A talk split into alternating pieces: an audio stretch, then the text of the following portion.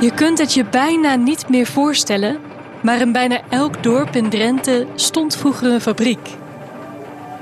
Wat voor een en hoe groot zo'n fabriek dan was?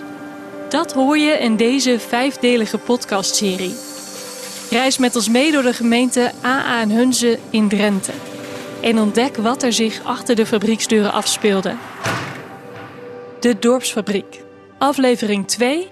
De aardappelzetmeelfabriek in Gasselte-Nijveen.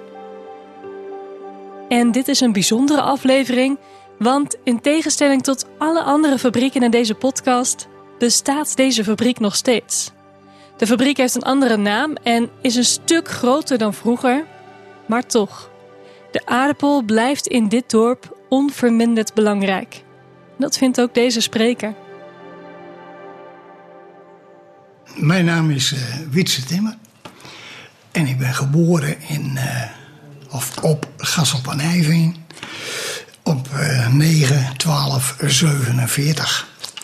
Dus ik ben nu 73 jaar. Ik heb bijna 41 jaar gewerkt bij HVB. Zo in de straat geplukt. Van we hebben werk voor je en je moet ons helpen, zelfs. Ja, dat was heel apart. Maar dat gebeurde toen nog in die tijd. Nou, dat was, dat was meer bij, uh, bij een kameraad van mij thuis. Die zijn vader werkte daar. En die was chef van die afdeling. Nou ja, hij tikte op mijn schouder. Jong, zei je, kom eens even bij me. Je moest uh, mobiel ons komen, liet me. Zo zei je daar ook. Ja, ik zei, ja, dat is ook wat. En ik zei, dat weet ik niet hoor. Salomons heette die man. Ik zei, dat weet ik niet. Ik heb nu ook een leuke baan. Ja, maar... Denk er nog maar zo over na. Nou, dat heb ik gedaan. Dagen. Toen zei ik van, uh, ik doe het. En zo, zo ben ik daar inderdaad, zo ben ik daar binnengerold, ja. En als dat niet gebeurde, als ze daar geen ziekte hadden gehad, of, of ja, dan hadden ze me ook niet gevraagd. Zo raar kan dat, hè? Dat gebeurt nou niet meer, hoor. Vast niet.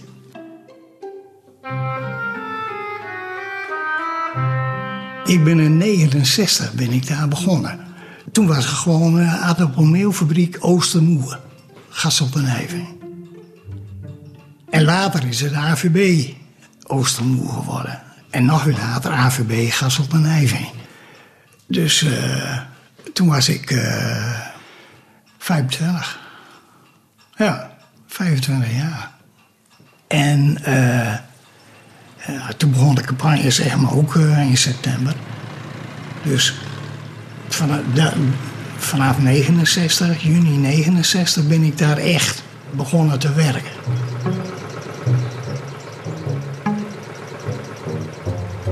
De periode dat de fabriek de aardappelen krijgt en, de en tot de periode dat weer over is. Dus het einde, van begin tot einde, dat noemen wij de campagne. In, in de tijd, dat, in de begintijd, wat ik, uh, toen ik er was, toen was het eigenlijk alleen maar uh, ja, aardappelzetmeel maken. Stokenmachinist, dat was de officiële de titel toen ik daar begon. Stokenmachinist. Ik heb het niet bedacht. En toen kwam ik in het ketelhuis en uh, in de machinekamer.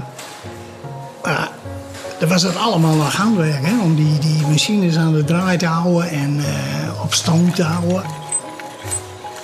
Kijk, met een stookolie, er was heel veel handmatig moest je werken. Je moest constant op die klokjes kijken van, hé, hey, heb ik nog genoeg druk?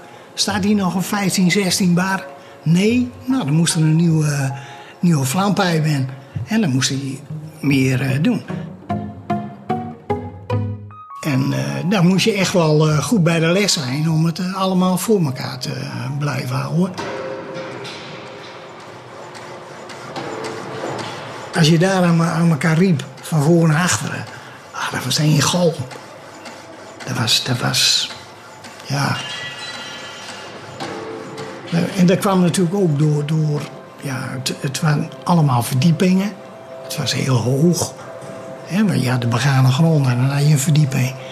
De eerste verdieping, tweede verdieping, de derde verdieping. En daar, op, de, op die, eh, de hoogste, daar werd het meel gedroogd. Dat was... eh, en, van daaruit ging het eh, in, eh, in zakken. Daar stonden mensen bij die eh, moesten alles opzakken. Want wat ik net ook zei, we buiten de campagne hadden we 40 mensen daar aan het werk. Maar als de campagne begon, nou, dan eh, werd het soms verdrievoudigd. Dan waren er een hoop mensen. Goh, nou, allemaal werk. En dat is wel mooi. En, dat, eh, en veel mensen van het dorp hadden daar werk. Maar als de eh, machines draaien, ah, dat was een hels kabaal. In het begin hadden we die dingen niet. Die hoorkappies. Gehoorbescherming, dan wist men niet wat er was in die periode. Maar toen was het allemaal met, met riemen en met, met, met, met, met eh, snaren. En ja, alles rabbelde door elkaar. Eh, gewoon een herrie.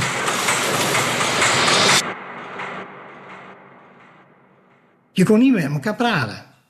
Zo niet. Dan moest je echt... eh, oh, wat zei je? Met de oren en de, en handje erbij. Dat, dat was gewoon zo. Ik denk dat ik een jaar of vijf daar werkte. Dat we toen voor het eerst van hoorbescherming hoorden. Of in elk geval hoorden, maar dat we die ook kregen. En eh dan kreeg je nog werkhandschoentjes en al dat soort dingen. Dat kwam toen een beetje, een beetje naar voren en naar boven. De geur in die fabriek was altijd... Ja, je, je, je rook altijd aardappel. Dat was heel apart. Maar dat, dat was wel zo. En eh, ik, ik heb het altijd... Ja, er waren genoeg eh, mensen, ook bij ons op het dorp... En die zeiden dan weer, ja, de fabriek is weer bezig. Het stinkt hier. Ja, dat is de geur die dan naar buiten kwam. Hè, voor de, via de, hoe heet het, de schoorsteen en noem maar op. Maar ja, ik zei altijd van, nou, wees blij dat je hem ruikt. Want dan eh, wordt er gewerkt tenminste. Hè? En dan hebben al die mensen hier van dorp hebben allemaal werk. Wij hadden buiten de campagne, als de campagne niet aan de gang eh, was, als die nog niet begon, hadden, waren wij met een, een, groepje mensen, van een, van een 40 mensen denk ik. En die kwamen ook, nou, de meeste kwam van het dorp. En de rest kwam er een beetje om toe. Gas op een even in zijn mond, Buinderveen zo een beetje. Maar de rest was eigenlijk allemaal vanaf het dorp. Als er op maandagmorgen iemand niet was, dan zei je van... Hé, is, eh, is Piet? Is Piet er niet? Heeft hij vrij? Nee, geen vrij. Nou, zal er ziek zijn. Nou, en dan was het s'avonds al iemand die even ging informeren. Dat, dat, was, was heel close allemaal. En dat, hadden, en dat hoorde ik later ook wel van, van andere collega's op eh, die andere fabriekjes. Dat was in Nieuwbijnen bij Hollandia was dat precies zo. Dat was ook een, een, een close gebeuren. En, en ja, iedereen kon elkaar ook. En iedereen wist ook van alle, alles van elkaar. Als er weer een baby geboren werd, nou, dan, eh, dan hoorde je het wel. Want als er iemand eh, been gebroken had, dan hoorde je dat. Dat. Je hoefde geen krant te lezen. Maar ja, dat, dat was wel eh, de- ook, ook waarschijnlijk het gemoedelijke. En, en ja, maar toch, ja, toch is dat wel, wel, wel, dat was altijd wel leuk. Ja, toen kwam het gasgebeuren in het Groningenland. En toen had ik al zoiets, toen had ik met mijn collega's... Ik zei, jongens, we moeten zo langzamerhand moet je zorgen dat je binnen het bedrijf wat anders eh, krijgt. Want dit is straks ouderwets en we gaan over op gas. Ah, kon je erbij? Dat gebeurt niet. En up, up. Nou, een paar jaar later, toen was het zover hoor. Toen werden de leidingen gelegd van het eh, gasveld richting, eh ja, richting en. En toen werden alles, alle ketels die we hadden, en we hadden er drie, die werden omgebouwd. Die werden omgebouwd van stookolie naar gas. Nee, maar al die, die, die, eh, eh, ja, die oude gebouwen en zo, die zijn een bepaald moment compleet gesloopt. En er werd gewoon eh, compleet ook nieuw gebouwd. Aan de gevel, aan de voorkant, daar is niks aan veranderd. Dat staat er. Maar alles wat erachter staat, dat is, dat is bijna aan, eh, compleet weggevaagd in de loop der jaren. En dat is allemaal nieuw eh, gebouwd. Maar toen, toen ik daar in 69 naartoe ging, ja, toen was het, het was geen moderne gebeuren. Het was echt, eh, ja, eh, nou, als, je, als je het nu vergelijkt, dan was het echt een ouderwetse fabriek.